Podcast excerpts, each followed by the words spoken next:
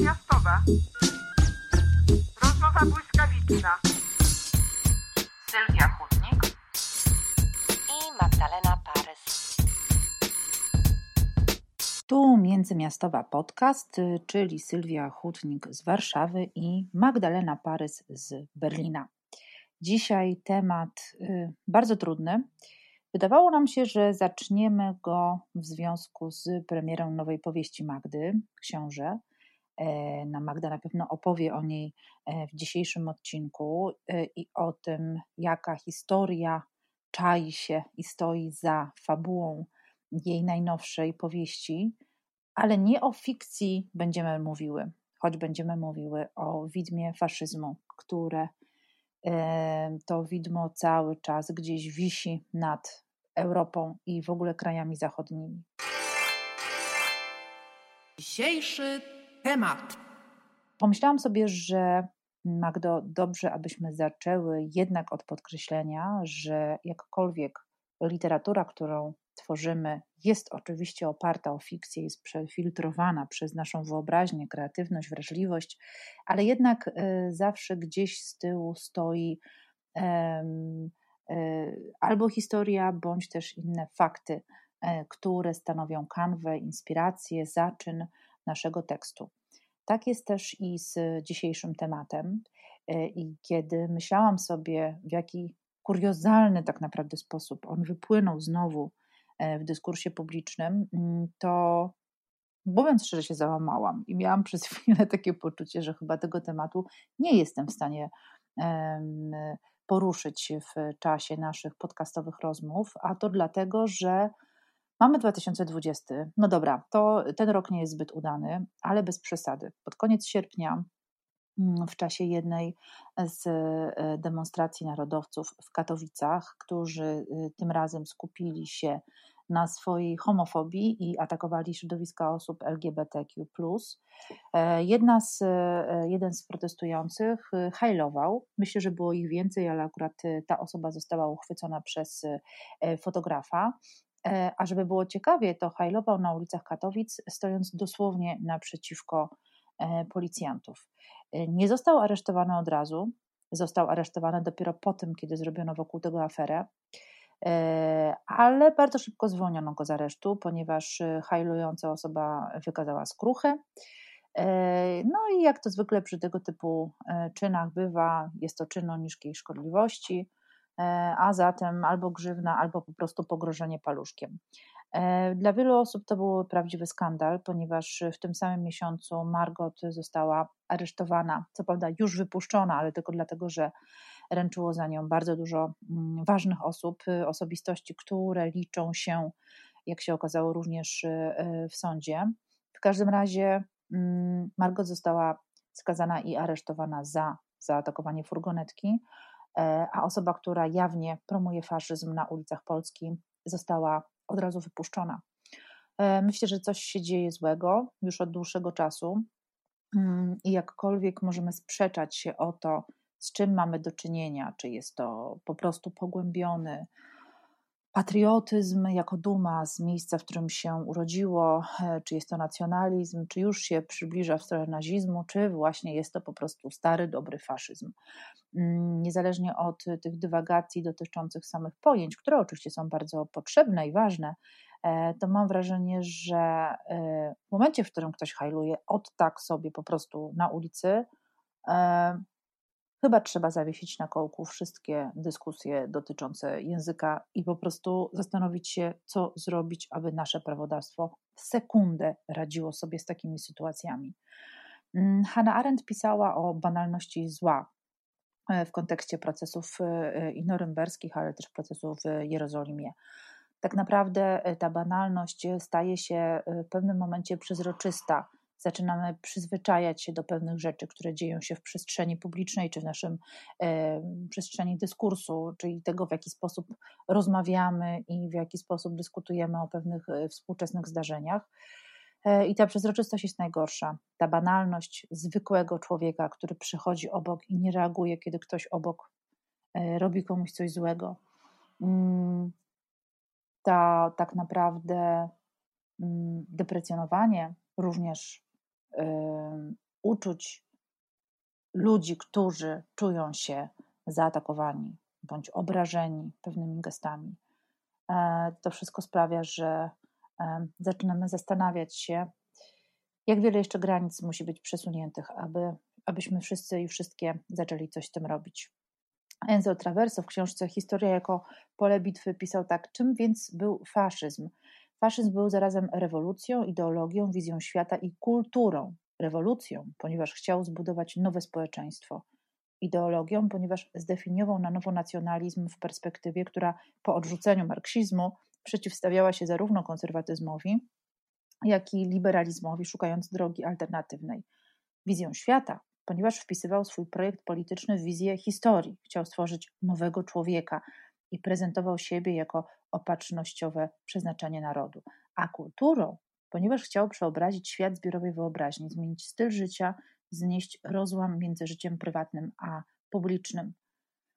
E, I to myślę, e, takie rozdrobnienie i zanalizowanie faszyzmu na tych bardzo różnych polach i poziomach, myślę, że jest kluczowe kiedy patrzę na chłopaków biegających w koszulkach Red is Bad, kiedy myślę sobie o mm, różnego rodzaju takich radykalnych poglądach, które właśnie powiedziałabym bardziej są w sferze obyczajowości, jak nie wiem, e, koszulki z przekreśloną tęczą czy z napisem zakaz pedałowania, E, kiedy widzę, e, jak Narodowe Siły Zbrojne, chociaż większość osób oczywiście nie zna się na historii, ale są hołubione, albo e, nadal jednak raz na jakiś czas wybucha afera mm, z organizowaniem koncertów zespołów jawnie nawiązujących do idei no, wtedy myślę sobie, że ten kulturowy faszyzm rzeczywiście cały czas gdzieś jest obecny. Myślę, że nie tylko w Polsce. Jestem Magdo ciekawa, jak to jest w Niemczech y, i w jaki sposób prawo, ale też po prostu społeczeństwo i ci wszyscy, którzy są wokół, reagują na, y, na takie sytuacje, jak na przykład ta, która całkiem niedawno y, była w Katowicach, i w jaki sposób faszyzm, czyli cała doktryna polityczna, sprzeciwiająca się demokracji parlamentarnej, głosząca kult państwa, silne przywództwo, wręcz terror państwowy, no ale też solidaryzm społeczny, co jest y, y, tutaj ciekawe w różnych kontekstach. E, zupełnie innych ideologii, spojrzeń na świat, w jaki sposób y, faszyzm traktowany jest obecnie w Niemczech. E, dla mnie rzeczywiście mm, bardzo trudne jest skonstatowanie, że e, to nadal problem. Jestem przerażona tak naprawdę, patrząc na to, jak wiele osób y, nawiązuje do faszyzmu i jakoś tam wykorzystuje te idee, których, y, y, które były dla faszyzmu ważne, albo wykorzystuje je na tych poziomach, o których wspomniałam wcześniej. Jestem też bardzo ciekawa, w jaki sposób to widmo faszyzmu można odciągnąć choćby pisaniem książek czy tworzeniem kultury, pokazywaniem ludziom, co by się stało, gdyby naprawdę e, faszyści przeszli ulicami miast. Dzień dobry. E, witam wszystkich bardzo serdecznie. E, ciebie przede wszystkim, Sylwio, i w ogóle naszych wszystkich tutaj słuchaczy. Witam znów z trasy. Tym razem e, promuję swoją najnowszą książkę, zresztą jak już wydaje mi się w ogóle od roku ją promuję, bez przerwy ją promuję i piszę, ale w końcu ją napisałam i jestem w trasie z książką, e, książę, o którym już wspominałaś Sylwio e, i o której media i dziennikarze i już pierwsi czytelnicy mówią, że opowiada o narodzinach faszyzmu w Niemczech. Zresztą ja też o tym mówiłam. E, trochę, ale myślę i mam nadzieję, że jednak opowiada o czymś więcej. No ale co ja tam wiem, prawda? Co pisarka, e, pisarz w ogóle wie o książkach, e, które pisze. No ale na szczęście, na całe szczęście dla naszego podcastu i na nieszczęście i dla Niemiec, i dla świata, i dla Europy, i dla Polski, e, no, faszyzm to temat, który w ostatnim tygodniu wstrząsnął Niemcami i nadal wstrząsa. I jak to e, Marian Turski powiedział, faszyzm e, spadł nam, wydaje się, z nieba. Mm, dlatego zdecydowałyśmy się, Sylwio, o nim mówić. Zresztą ten faszyzm wstrząsa nie tylko Niemcami, jak już słyszeliśmy od ciebie, Sylwio, Faszyści są wszędzie. I to nie są już ci chłopcy z przystanków, z przystanków autobusowych, obcięci na łyso w tych swoich koszulkach z tymi swoimi szerokimi barami wytrenowanymi, rzucający się w oczy.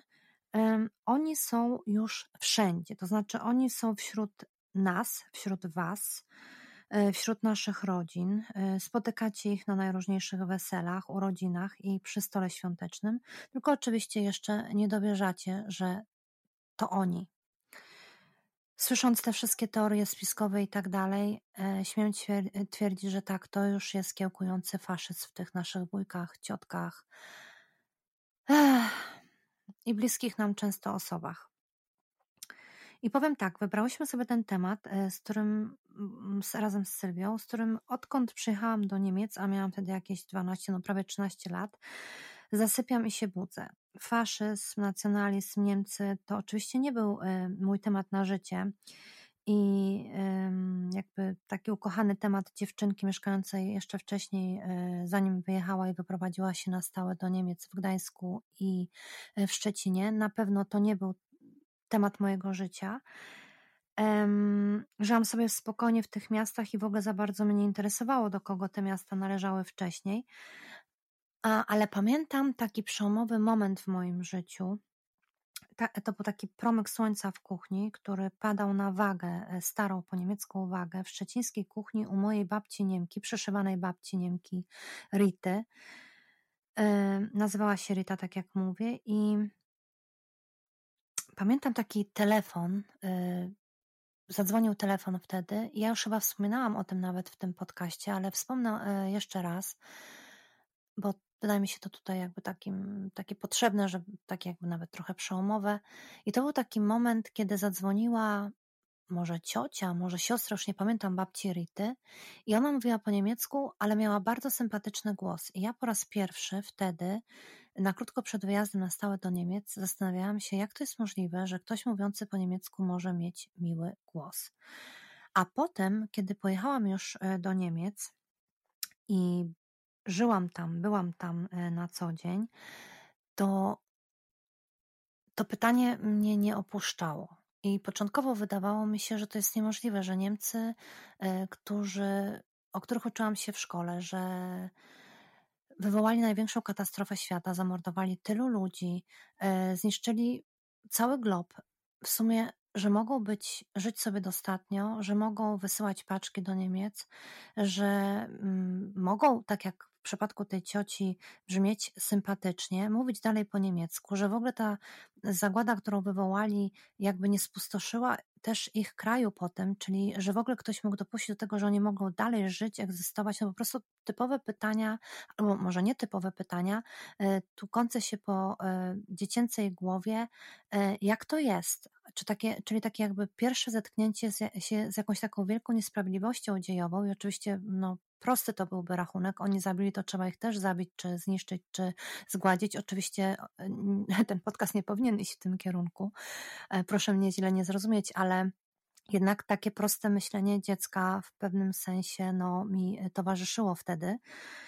I Podczas ja się dość szybko jednak w Niemczech uporałam, bo dość szybko się zasymilowałam z moimi niemieckimi koleżankami, bardzo szybko trafiłam do niemieckiej klasy, chociaż mnie oczywiście wydawało się, że to trwało lata całe, ale później czytając pamiętniki szybko stwierdziłam, że to było zaledwie kilka miesięcy moich tęsknot i y, głębokiego przeżywania, że jestem daleko od mojej już nie przeszywanej, ale prawdziwej babci w Gdańsku, od mojej ukochanej rodziny, od moich ukochanych przyjaciół i przyjaciółek i, i nauczycieli i tak dalej. Ta moja niezgoda na ten pobyt w Niemczech była bardzo głęboka, a mimo wszystko jednak jak szybko potrafią się dzieci asymilować, jak szybko uczą się e, obcego języka jak szybko nagle stają się częścią nowej klasy, nowej szkoły i w ogóle są jakby już no, tacy sami jak inni. Nagle się okazało, że moja Patrycja, przyjaciółka ze szkoły, Ania, przyjaciółka ze szkoły, ma swoich odpowiedników w niemieckiej klasie i że bardzo szybko się zaprzyjaźniłam z Andreją, z Julią, z Jessiką i że to one mi zastąpiły w pewnym sensie moje dotychczasowe przyjaźnie. Ale ja nie o tym chciałam mówić, a jednak ten wstęp jest ważny. Ważny do tego, o czym zaraz Państwu i Tobie, Sylwio, y, opowiem. I dlaczego mam prawo nazywać się kimś, kto wie o Niemcach dużo i może powiedzieć o nich dużo. Y, I jakby wciąż y, uzurpuje sobie prawo do mówienia o Niemcach i tłumaczenia Polakom Niemców i tego niemieckiego faszyzmu, który się w tej chwili w Niemczech odradza. I oczywiście fakt jest taki, y, zanim w ogóle przejdziemy do tego faszyzmu, o którym mm, piszę w księciu i o którym mówię w tak wielu wywiadach, między innymi w tym dzisiejszym układkowym wykazecie wyborczej, zanim do tego przejdę, to chciałabym powiedzieć i przypomnieć o jednej rzeczy, która wydaje mi się niezwykle istotna i nawet jeśli to dzisiaj będzie trwało trochę dłużej, to bardzo Państwa proszę o tę cierpliwość, bo czułabym się niekompletna w tej książce, w tych wszystkich wywiadach i moich wypowiedziach, gdybym jeszcze raz nie przywołała tego i nie opowiedziała o tym jeszcze raz y, tak dokładniej. I oczywiście wszyscy wiemy, że Niemcy wywołali największą katastrofę w dziejach ludzkości. Lecz trzeba sobie przypomnieć i powiedzieć szczerze, że po latach zakłamywania, i przemilczania własnej zbrodniczej historii zaczęli ją odkłamywać. I takim rokiem przełomowym e, w Niemczech był rok 68. Oczywiście oszczędzę tu wszystkim detali dotyczących rewolucji kulturowej, jaka dokonała się w tamtym czasie w Niemczech, bo to oczywiście nie ma być jakiś kolejny wykład historyczny, tylko taka moja prywatna niezgoda, niezgoda Polki mieszkającej w Niemczech od, no nie wiem, prawie 40 lat, no, no okej, okay, dobra, nie będę sobie znowu tutaj przypisywała lat, ale nie wiem, chyba 37 lat, na powielanie jakichś takich głupich, nieprawdziwych stereotypów, które zamiast nas łączyć w tym trudnym okresie kiełkującego faszyzmu, w pewien sposób jeszcze bardziej pogłębiają e, dzielącą nas, e, nas otchłań, bo ta otchłań między nami a Niemcami wciąż jest i nic jej nie zmienia. Ona jest po prostu nie do ruszenia. Mm, I chciałabym przypomnieć o tej denazyfikacji, jaka dokonała się w Niemczech, bo to była olbrzymia, wieloletnia praca i wysiłek kilkuset tysięcy ludzi, a być może nawet milionów ludzi, e, zapoczątkowana właśnie w tym wymienionym 68 roku przełomowym. To jest praca późniejszych nauczycieli, e, polityków i naprawdę ludzi, wielu, wielu ludzi dobrej woli, kolejnego pokolenia Niemców, którzy nie tylko nie godzili się na wymazywanie z pamięci czynów y, popełnionych przez ich dziadków czy rodziców. Właśnie ci inni nowi Niemcy, czyli to kolejne pokolenie, stworzyło jedyny w swoim rodzaj, y, rodzaju program nauczania o zagładzie i o wywołanej przez nich wojnie.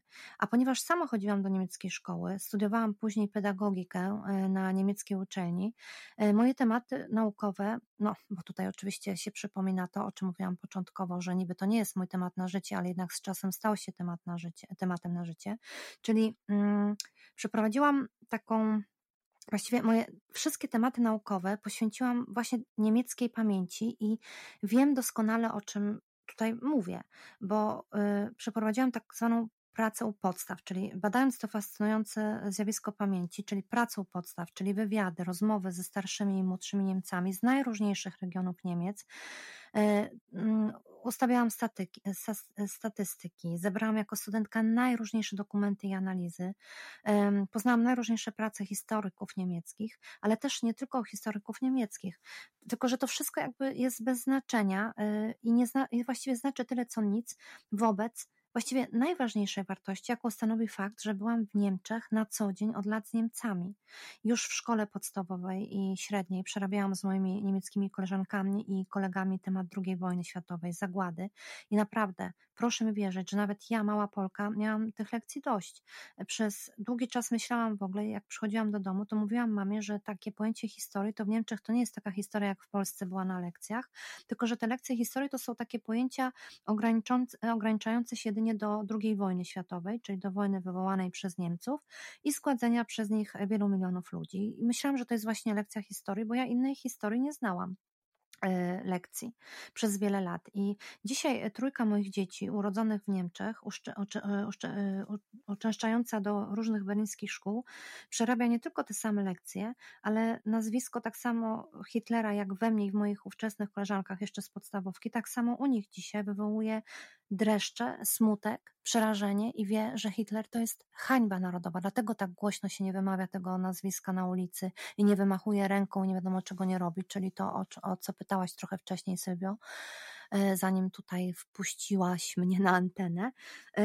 Oni niemiecka młodzież odwiedza niezliczoną ilość muzeów i miejsc pamięci, których w Niemczech jest taka ilość, że doprawdy ja myślę, że takiej ilości nie ma w całej Europie, jak w samym Berlinie. To po prostu na każdym kroku jest historia. Historia Niemiec, ta najświeższa, ta najnowsza, ta najtragiczniejsza, ta najbardziej hańbiąca. I skupię się może y, na najmniejszym dosłownie y, pomniku, czyli na tych mosiężnych płytkach, na pewno wszystkich Państwu znanych. To są takie mosiężne płytki w każdej dzielnicy berlińskiej y, z nazwiskami ofiar deportowanych Żydów. I one są wciśnięte gdzieś między kostki chodnikowe przed domami, w których ci ludzie, oczywiście wcześniej deportowani do obozów zagłady, gdzie oni tam wcześniej mieszkali.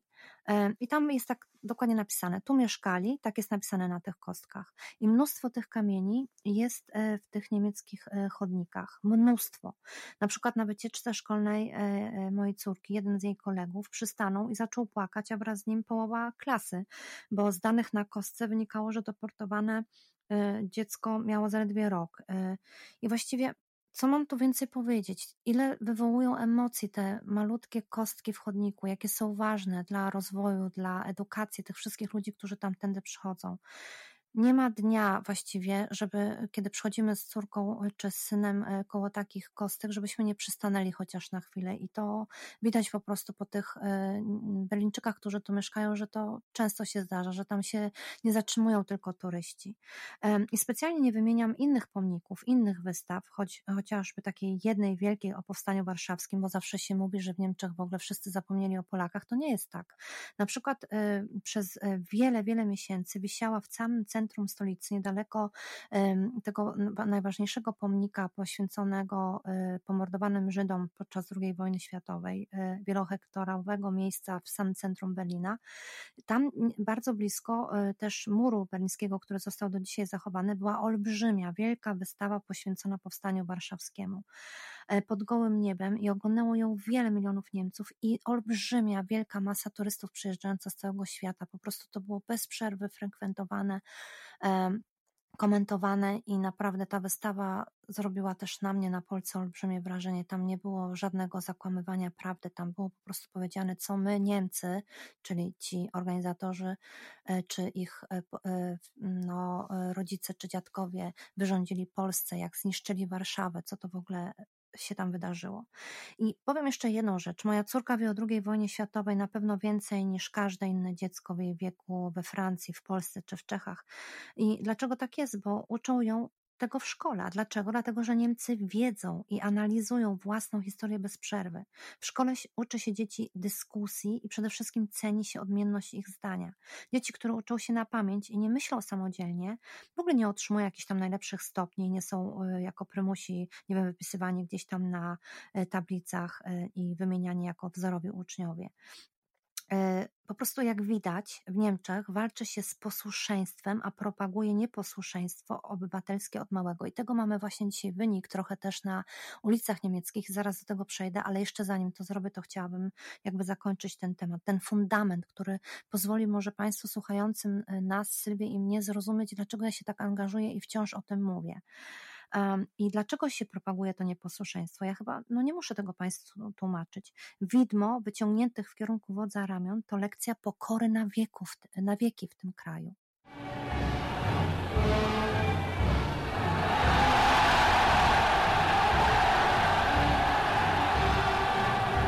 Wir sind doch wieder ein so anständiges Volk geworden. Wir sind doch jetzt wieder ein so fleißiges und tatkräftiges Volk geworden. Was schaffen wir jetzt nicht wieder in Deutschland?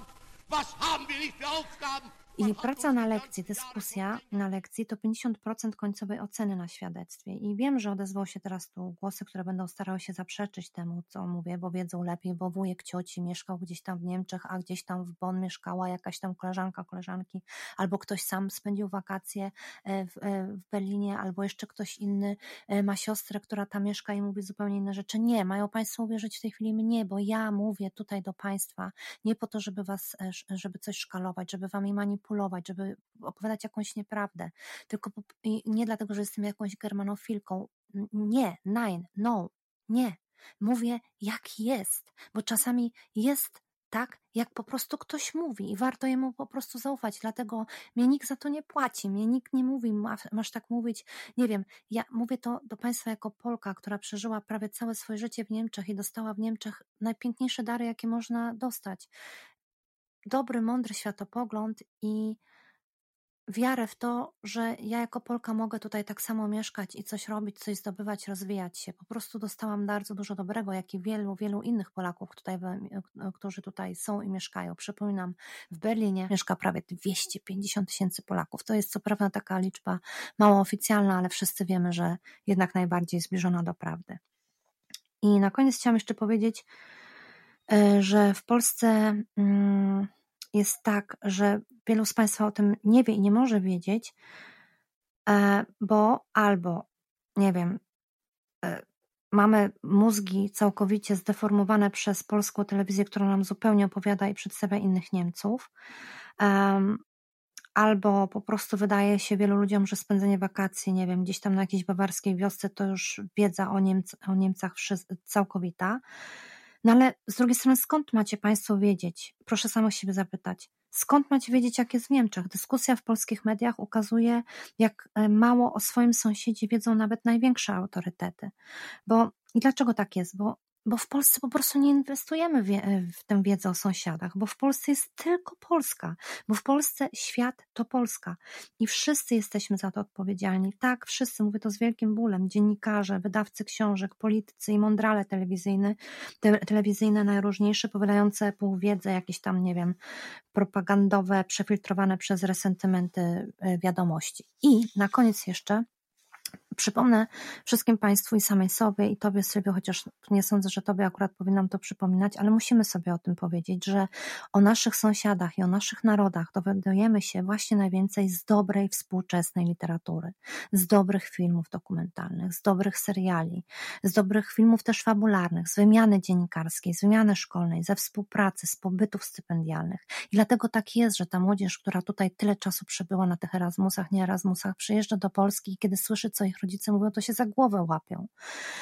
E, bo teraz tak szczerze zapytam Państwa, czy ktoś z Państwa zna nazwiska najważniejszych współczesnych niemieckich pisarzy? Czy ktoś z Państwa czytał jakieś dzieła traktujące o współczesnych Niemczech?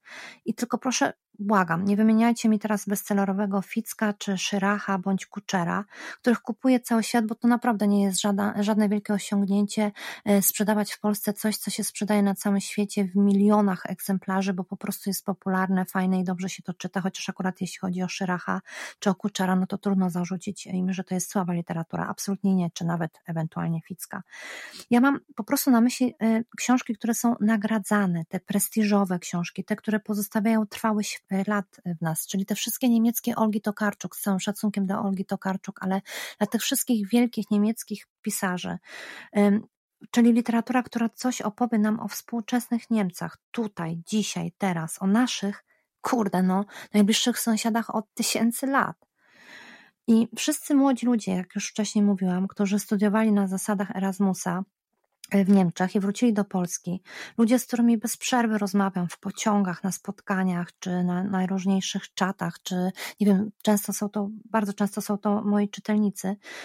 E, oni sami mówią, że to, co wiemy o Niemcach, to, co nam Polska serwuje o Niemcach, nijak nie pokrywa się z tym, co jest i dzieje się aktualnie w Niemczech naprawdę. Ja na jeszcze raz powiem naprawdę, poznałam wielu ludzi, którzy pod wpływem polskich mediów nie chcieli nigdy odwiedzać Niemców, a potem jadąc tam wracają zachwyceni i w ogóle chcą emigrować do Berlina, do Niemiec. Przecież mamy teraz nową falę emigracji niekończącej się, poszukiwania mieszkań i w ogóle nie pozostania na chwilę w Niemczech, tylko po prostu pozostania na stałe w Niemczech. No, ale teraz przechodzę już jakby do końca i do sedna naszego tematu, do tego odradzającego się faszyzmu w Niemczech, bo oczywiście nie byłabym autorką tunelu Magika i chyba też Białyryki, ale przede wszystkim teraz, co dopiero co napisanego e, księcia, w którym właśnie jest mowa o kiełkującym e, faszyzmie, o tych wszystkich przerażających rzeczach, które ja sobie wyssałam z palca, a później ścigałam się z prawdą, kto pierwszy, czy to, co się dzieje na niemieckich ulicach, czy to, co ja sobie wymyśliłam pięć lat temu, bo bardzo długo pisałam tę książkę. No więc nie byłabym sobą, gdybym nie wspomniała o tym, co Niemcom nie wyszło, z czym sobie wciąż nie radzą. I naprawdę wiele jest w Niemczech wschodnich terenów, nie tylko wschodnich, niewystarczająco wyedukowanych, zapomnianych i dokładnie olanych, olewanych przez lata, e, przez politykę, przez szkoły, przez samorządy. I powiem jeszcze raz, to słowo najlepiej obrazuje ten stan na dzień dzisiejszy olane, olewane nadal, czyli w ogóle nieodwiedzane, oddane walkowerem tym wszystkim radykałom, y, którzy tylko czekali, żeby zagospodarować ten teren. To nigdy nie jest za darmo. Nie jeździsz, nie rozmawiasz z tymi ludźmi, którzy czują się pokrzywdzeni i stracisz ich szybciej niż myślisz, bo zaraz szybko się znajdzie jakiś prawicowy radykał, y, który ci zabierze ich głosy albo nawet sprawi, że nigdy nie głosowali, a teraz będą głosować na skrajną prawicę AfD. I co z tego, że wybudowano tym ludziom na wschodzie nowe chodniki, postawiono piękne latarnie, co z tego, że Drezno jest piękniejsze niż kiedykolwiek, co z tego, skoro zaniedbano coś bardzo ważnego, właśnie tę edukację, właśnie tę rozmowę, ten czas, wymianę ważnych myśli między wschodem i zachodem. No wiem, wiem, że jak słuchają tego Państwo, to od razu przychodzi im też może trochę Polska e, na myśl, bo nie można wygrać wyborów e, częstując ludzi, tych, który, którzy nas nie rozumieją i których my nie rozumiemy, po prostu pogardą. Na tym zawsze się straci. I Oczywiście wiele jest też w Niemczech e, najróżniejszych wsi bawarskich, wcale nie tych ze wschodu, w których krążą złe mity i tak wiele jest jeszcze zła w Niemczech i tak no, po prostu zdarza się, że grup Maleny Dietrich, wielkiej Maleny Dietrich, uznanych przez nielicznych na nieszczęście za niemiecką zdrajczynię, jest profanowany. Tak. I powiem więcej, w Niemczech Wschodnich powstała Pegida, ale ona się rozlała na całe Niemcy. Do parlamentu weszło skrajne prawicowe ugrupowanie, dzisiaj trzecia siła w tym kraju, e, partia FD. I procesy NSU, e, o których już nawet nie chcę wspominać, może przy jakimś innym podcaście, e, gdzie po prostu wyszło na jaw, że grupa terrorystyczna mordowała na zlecenie obcokrajowców zamordowała dziewięciu ludzi w, ostatniej w ostatnich dekadach i w tym niemiecką policjantkę.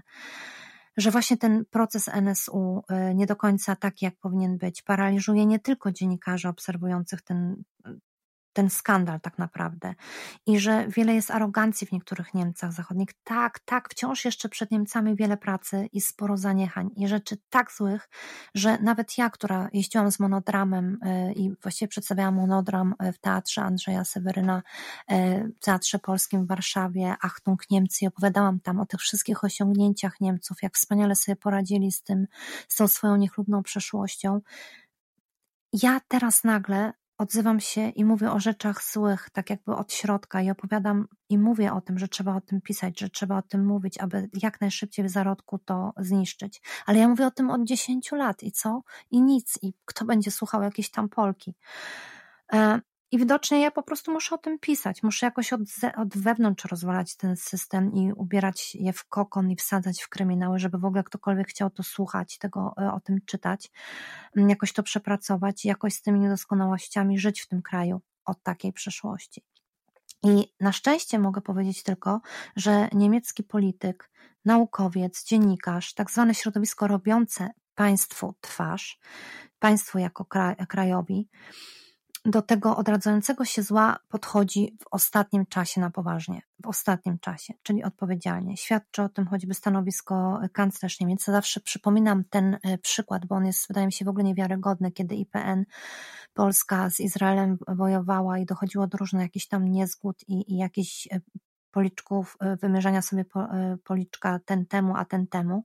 Nigdy nie zapomnę, jak wtedy kanclerz Niemiec Merkel e, przypomniała w swoim przemówieniu, wtrąciła się jakby w ten, w ten konflikt i powiedziała, jako kanclerz Niemiec chcę tylko powiedzieć, że jako Niemcy ponosimy odpowiedzialność za wydarzenia, do których doszło podczas zagłady, podczas Shoah, za czasów narodowego socjalizmu. Istniały obozy koncentracyjne, za które Niemcy ponoszą odpowiedzialność. I ta odpowiedzialność obowiązuje nadal i każdy rząd niemiecki będzie ją na siebie brał. I jakby tego było mało, zaraz odezwał się też jeszcze szybko e, e, szef MSZ i w ogóle prezydent i uciął wszelkie dyskusje, mówiąc, to nasz kraj i nikt inny popełnił to zorganizowane masowe morderstwo. I przypominam to, chociaż miało to miejsce jakieś dwa lata temu, e, dlatego że właściwie tak jest non-stop. Gdziekolwiek dochodzi do jakiegoś nieporozumienia, do jakiegoś konfliktu, natychmiast odzywają się Niemcy i przypominają, halo, halo, wy się tutaj kłócicie, Ukraina to, Polska to, Izrael to, ale to my, to my, Niemcy, rozpoczęliśmy tę wojnę, to my jesteśmy winni temu, co się wydarzyło, to od nas się wszystko zaczęło. No przecież to jest nieprawdopodobne, prawda? Wyobrażacie sobie Państwo takich polityków w Polsce, którzy wychodzą na scenę i mówią, to my w Jedwabnym, to my podczas pogromu i tak dalej. Kurde, zobaczcie, jaką oni drogę prze, e, przeszli. Oczywiście ich przewinienie jest nieporównywalnie większe do jakiegokolwiek innego i właściwie porównywalne jest tylko z tym, co Stalin zrobił. Ale jak ktoś się zastanawia, czy Niemcy sobie poradzili, no to proszę spójrzcie sobie, jak e, Rosjanie sobie ze Stalinem poradzili. Maskotki na lotnisku, e, odradzające się sentymenty, e, pomniki, seriale dla wujka Stalina i w ogóle wielkie błogosławieństwo, emocje i jakby to było, gdyby Stalin był i tak dalej, i wskrzeszanie jego i w ogóle wow, Stalin to wielkość. A teraz sobie proszę przez chwilę wyobrazić, że Niemiec robi to z Hitlerem, czy ktokolwiek robi to z Hitlerem. No go. Coś takiego jest po prostu niemożliwe. Karalne. No i teraz ci ludzie, politycy, e, e, jak Merkel i inni, cała elita, którzy wypowiadają te słowa, o których wcześniej mówiłam, to właśnie są uczniowie niemieckich szkół. To jest właśnie wynik tej niemieckiej edukacji. A polityk na czele rządu to lustro narodu. I to, co mówimy, jacy jesteśmy, czy jesteśmy świadomi swoich słów, zawsze znajdzie swoje odbicie na górze, w tym, kogo wybraliśmy. Tak mówił mu niemiecki nauczyciel historii, e, pan Bachmann. Kazał się nam zawsze też przyglądać ludziom, którzy, niemiecki nauczyciel oczywiście, e, którzy będą głosić, że na przykład Hitler zmniejszył bezrobocie albo stworzył e, super warunki, żłobki i dał tak zwane Kindergeld, czyli nasistowskie 500 plus bo oczywiście nie mówię o dzisiejszym, tylko o ówczesnym w latach 30, 30 danym rodzinom niemieckim. Mój ukochany nauczyciel Bachman historii ze szkoły średniej mówił dalej tak. Zanim ten człowiek zacznie mówić dalej o tym, jaki wspaniały był Hitler, masz mu przerwać, to jest twoje zadanie i powiedzieć, łożesz, kłamiesz. I powtarzał też zawsze ten nasz kochany Bachman, zajmuj stanowisko, bądź czujny. I mówię wam, kochaliśmy go wszyscy, uwielbialiśmy go, wygrywał wszystkie rankingi na najlepszego nauczyciela naszej szkoły. I moja córka też ma takiego nauczyciela w, w swojej szkole. Moi synowie też mieli takiego nauczyciela od, z historii w swojej szkole. Ja z całego serca, ze wszystkich sił też Państwu życzę takich nauczycieli w polskich szkołach. I jeszcze chciałabym powiedzieć na końcu, że mm, Sylwio, przytoczyłaś nam wcześniej wspaniałą, bardzo ciekawą, niezwykle mądrą definicję faszyzmu, a ja chciałabym i Państwu, i Tobie, Sylwio, też przekazać taką definicję faszyzmu, która powstała w mojej głowie na e, wzór przeczytanej książki, o której zaraz jeszcze opowiem. I powiem tak, że w skrócie wielkim, ta książka ma ponad, nie wiem, chyba około tysiąca stron.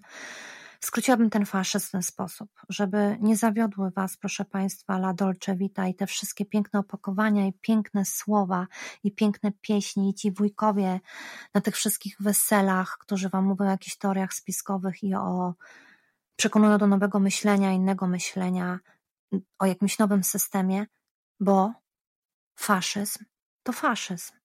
I dla takiego Mussoliniego, jednego z tych pierwszych, faszystów. Jeszcze krótko, który zasięgnął sobie wiele, wiele tych pomysłów od D'Annunzio. Ten Mussolini, ten syn Kowala, to dla niego to coś, czego jeszcze nie było, ten faszyzm. Coś w rodzaju antypartii, bo faszyzm to jest coś takiego jak antypartia.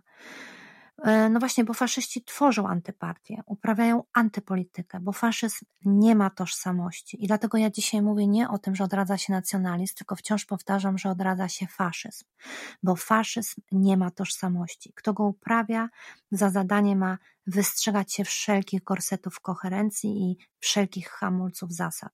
A program, jaki oni mogą mieć program? To zazwyczaj jakaś kartka papieru, co najwyżej jakieś światoburcze postulaty. I Najważniejsze to to, żeby podsycać nienawiść między różnymi grupami społecznymi, jątrzyć urazy i pretensje. I oczywiście wtedy nic nie będzie niemożliwe, bo zniknie podział na prawicę i lewicę i wystarczy tylko nakręcać emocje. I o jednym pamiętać, mówić do ludu tak, by zrozumiał, nic więcej. No, niech się jeszcze ten lud pobawi, potańczy i pośpiewa i podemonstruje, niech myśli, że temu ludowi dobrze ten lud. I jeszcze należy być mm, jako faszysta reakcyjnym lub rewolucyjnym, zależnie od okoliczności i zależnie od potrzeb. I w ogóle przyszłości żadnej nie ma. Jest tylko teraz. Ewentualnie może trochę jeszcze e, taki ktoś zaczerpnąć z przeszłości, jak mu będzie oczywiście pasowało. I kompletnie nie należy niczego obiecywać. I tylko tej jednej obietnicy należy dotrzymać. Poza tym na wszelkie programy w ogóle należy gwizdać, bo liczy się w faszyzmie, uwaga, tylko działanie. Faszyści muszą działać, robić cokolwiek, robić jakieś zadymy. Wtedy wszystko stanie się łatwe. Reakcje przenoszą się z centralnego ośrodka nerwowego do sfer peryferyjnych i redukują się do najprostszych odruchów. Jeszcze wskazane jest dla takiego faszysty, gdy się lud ma już taki szczęśliwy, jeśli na przykład wykreuje go na takiego mówcę i swojego przywódcę, wodza Führera, to dobrze jest dobrze wyglądać i w ogóle ładnie mówić. I tak najlepiej zrozumiale, ale też nie, nie przesadzać za bardzo. Mówić tak, jak przyszły jakiś nam, nasz, naszych mam czy nas samych wymarzony zięć tak ładnie mieć przylizane włoski, tak ładnie układać te zdania i można jeszcze podwinąć rękawy czasem, nieskazitelnie białej koszulki. I można jeszcze mówić tak, żeby wcale jutro o tym nikt nie musiał pamiętać. W ogóle w faszyzmie można wszystko. Ideologiczne problemy programu politycznego ze zdechłej kartki można w mikro rozwiązać, wyrywając je z korzeniami, jak chwasty. I w zależności od potrzeb, yy, no, będzie rozliczał Bóg w przyszłości albo ktoś tam, ale tak w ogóle to nikt, bo faszyzm to faszyzm. Faszyzm to nic, wielkie nic. I tak właśnie sobie to skróciłam po lekturze książki M, czyli Mussolini Syn Stulecia, o której już wspominałam i o której będę wciąż wspominała, bo to jest wspaniała, nagradzana i okrzyknięta arcydziełem książka Antonio Scuratiego o dochodzeniu Mussoliniego do władzy. Duce, pilny uczeń i pilny obserwator Poetico Soldato D'Annunziego, o którym też piszę w swojej książce i pisałam tę książkę oczywiście nie wiedząc, że kiedykolwiek powstanie jakaś książka M. Syn Stulecia, ale tak to jest, że wielu autorów pisze równocześnie swoje książki na ten sam temat. Także D'Annunzio to był przyszły wzór do naśladowania dla e, Mussoliniego, a Mussolini był wzorem do naśladowania dla Hitlera. Hitler wielbił Mussoliniego, czcił Mussoliniego. I bardzo, bardzo polecam tę książkę, sięgnijcie po nią, bo to jest nie tylko porywająca, nowatorska opowieść, ale też jakiś taki zaskakujący inny rodzaj wchodzenia w znaną historię. A tak w ogóle to powiedziałam o tym, dlatego, że to wszystko wpisuje się w ducha, w ducha tego, co dzisiaj dzieje się w Niemczech. I o tym jeszcze na koniec koniecznie muszę powiedzieć. Mówię o tym bardzo dużo w wywiadach, e, między innymi w dzisiejszym e, właśnie dla Gazety Wyborczej, ale też nie tylko. E, mówię o berlińskiej demonstracji mm, na spotkaniach i w końcu też napisałam powieść o faszyzmie, dlatego powiem też i to samo na koniec tu i teraz. Ja już, szczerze mówiąc, przywykam do tych wszystkich demonstracji, które odbywają się w Berlinie, coraz liczniejszych. Na początku 10 tysięcy, 20 tysięcy, chociaż wszyscy twierdzą, że to miliony ludzi wyszło na ulicę, ale proszę mi wierzyć, taka nie jest, to nie jest prawdą. Teraz ostatnio wyszło ich co najmniej 40 tysięcy i powiem tak, że podczas tych demonstracji jakoś potrafię się z tym pogodzić, że e, Kwiedęk, organizacja, która je organizuje, że tam idą ludzie w tych demonstracjach, którzy są po prostu przegrani, złamani, nieszczęśliwi po tej pandemii, bo albo stracili wszystko, albo chcieli się naprawdę powiesić z tej e, trwogi o przyszłość, albo zwyczajnie splajtowali, albo po prostu w ogóle nie wiedzą, co dalej, bo już są nikim tym, kim byli przed pandemią. Więc ja tych ludzi akurat rozumiem. Ale obok nich co już wszyscy wiemy i o czym często się powtarza, maszerują płaskoziemcy, którzy się w ogóle swojego płaskoziemstwa nie wstydzą, antyszczepionkowcy, już nic o tym nie powiem, ezoterycy, o, tak, okazuje się, że są też brunatni ezoterycy. Oglądałam program, o tym nie mogłam w to uwierzyć, ale oni naprawdę są, istnieją skrajna lewica i oczywiście skrajna prawica, i wywrotowcy, i antysystemowcy, i anarchiści, na, najróżniejszego rodzaju nienawistnicy, którzy po prostu nienawidzą wszystkich i wszystko, i też zwykli brunatni, ale niestety podczas tych demonstracji widziałam ramię w ramię idący y, y, z nimi razem też no co, ludzi e, trzymających e, e, tęczowe chorągwie i zielonych, którzy chcą ratować świat i też idą z naziolami razem i religijne ugrupowania pod krzyżem. Maszerują też najzwyklejsi obywatele, często nasi sąsiedzi, czy tam sąsiedzi sąsiadów i naprawdę, naprawdę ciężko mi słuchać ich, kiedy mówią, tam, wędrując z dziećmi, później po tej demonstracji, mówią to z taką wielką lekkością, że tych paru nazioli, którzy tam z nimi wędrują, to oni im w ogóle nie przeszkadzają, bo jakoś są ich w stanie strawić w tym marszu, uwaga, ku słusznej sprawie, czyli wolności. bo ich główne hasło to jest koniec pandemii. Oni ciągle maszerują pod tym jednym hasłem, że to jest koniec pandemii, że wszyscy ich oszukali, że tak naprawdę nie ma COVID-u, a jak jest, to jest wcale nie taki groźny i wszystkiemu jest gej y, inny albo jeszcze jakiś ktoś inny, najlepiej miliarder, Żyd, ktokolwiek. I że tak naprawdę ich główne hasło to jeszcze oprócz koniec pandemii, to jeszcze walka z maseczkami. I to wszystko jakoś jeszcze ścierpię, jakoś przełknę, chociaż coraz ciężej, ale jak zobaczyłam krzyczących 30-20-latków pod ambasadą Rosji niedaleko bramy brandenburskiej na Friedrichstrasse, na tej głównej, pięknej, wielkiej berlińskiej ulicy, jak krzyczą pod ambasadą rosyjską Putin, Putin i oni krzyczą do tego Putina pod tą ambasadą po to, w sensie, żeby on ich i nas, i mnie, i ciebie, Sylwio, i Europę, i w ogóle cały świat, żeby ten Putin nas wyzwolił. Czy ty to rozumiesz, Sylwio? Doczekaliśmy czasów, gdzie ludzie podczas demokratycznej demonstracji w demokratycznym państwie proszą Putina o pomoc.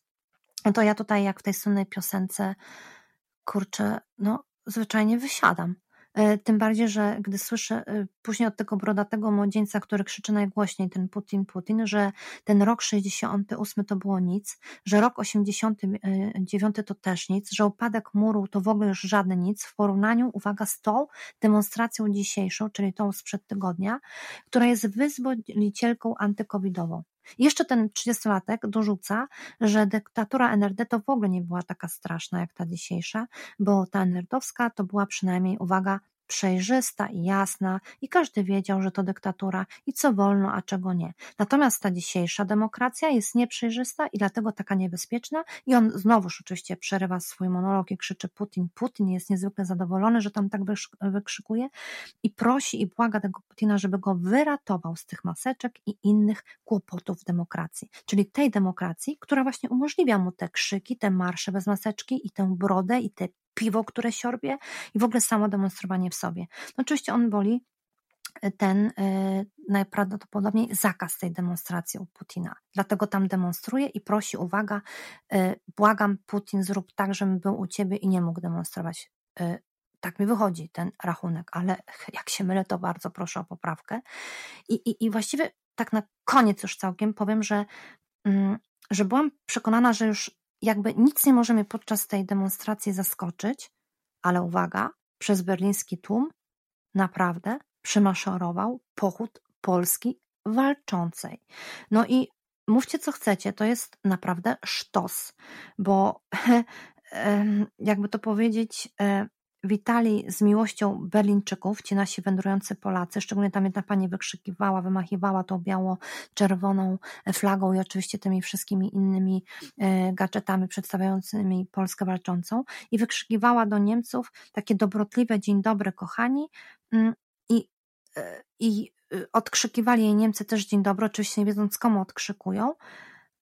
Jak już po prostu myślałam, że to jest koniec, to właściwie, że już nic nikogo nie zaskoczy, to uwaga, obywatele Rzeszy szturmowali Reichstag. I to jest organizacja, której ideologia opiera się na prawicowym ekstremizmie, rasizmie i antysemityzmie, teoriach spiskowych i w ogóle ogólnie ezoterycznym światopoglądzie nie uznającym państwowości RFN, czyli Uwaga, oni wierzą w monarchię, mają swojego króla tutaj gdzieś tam, nie wiem, w Zaksen czy gdzieś i kserują sobie y, na kseropaszporty i są wielce zdziwieni, jeśli jakiś kraj, do którego się wybierają, tych paszportów nie uznaje, bo oni oczywiście uznają wszystko. Czyli uwaga, ci, ci z Państwa, którzy mieszkają i słuchają nas tej chwili gdzieś w Katowicach, w Opolu, w Szczecinie, w Gdańsku, w Sopocie, czyli w tych wszystkich e, miejscach, które przed 1937 roku niekoniecznie należały do Rzeczpospolitej e, Polskiej, no to właśnie oni jakby uważają, że okupujecie ich teren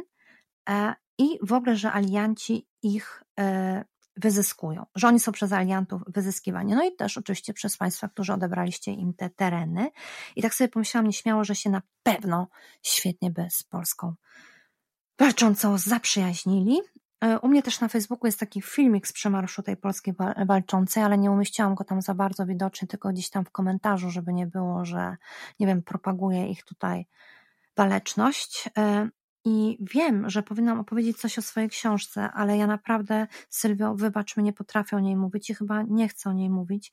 W tym sensie, że mm, bardzo trudno jest mi mówić o czymś, jednym ciągiem, co napisałam do ekranu. Dlatego na koniec, jakby jedyne, co mogę powiedzieć, y, to, hmm, to, to, to, to właściwie podrzucić parę słów z Big Booka y, ze spotkania, które prowadziła ze mną wspaniała erudytka Paulina Wilk, no i podrzucić to, co ona powiedziała.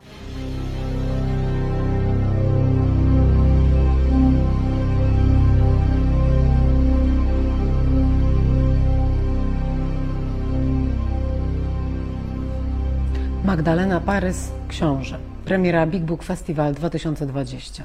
Magdalena Parys, wspaniała polska pisarka, mieszkająca w Berlinie i odnosząca europejskie sukcesy. Laureatka bardzo ważnych europejskich nagród literackich, wraca z nową powieścią, ale wątkami, które już trochę znamy z jej poprzednich wspaniałych książek, takich jak Tunel czy Magik. Kim jest tytułowy książę? Tajemnicą, wielką tajemnicą, wokół której zorientowana jest najnowsza powieść Magdaleny Parys. Tajemnicą, która niepokoi, intryguje, ale która również dostarcza wielkiej intelektualnej rozrywki. W berlińskich kościołach odkrywane są ciała księży.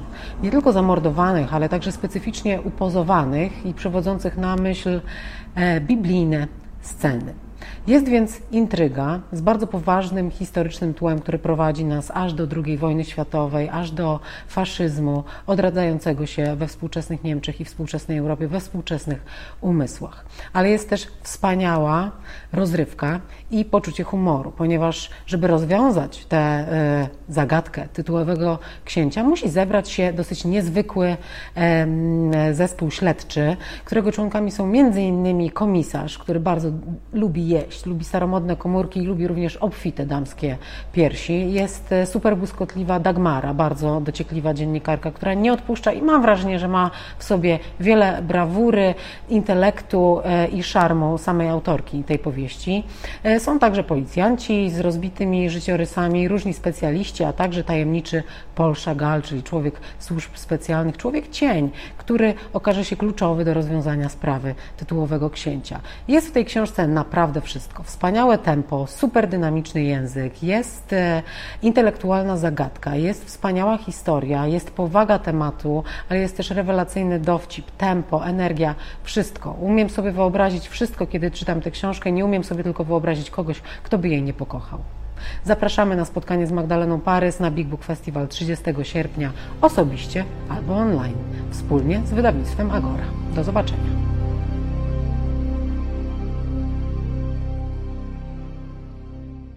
Jest mi niezwykle głupio, że to robię, e, że tutaj podrzucam te słowa e, Pauliny. No ale cóż, już padły.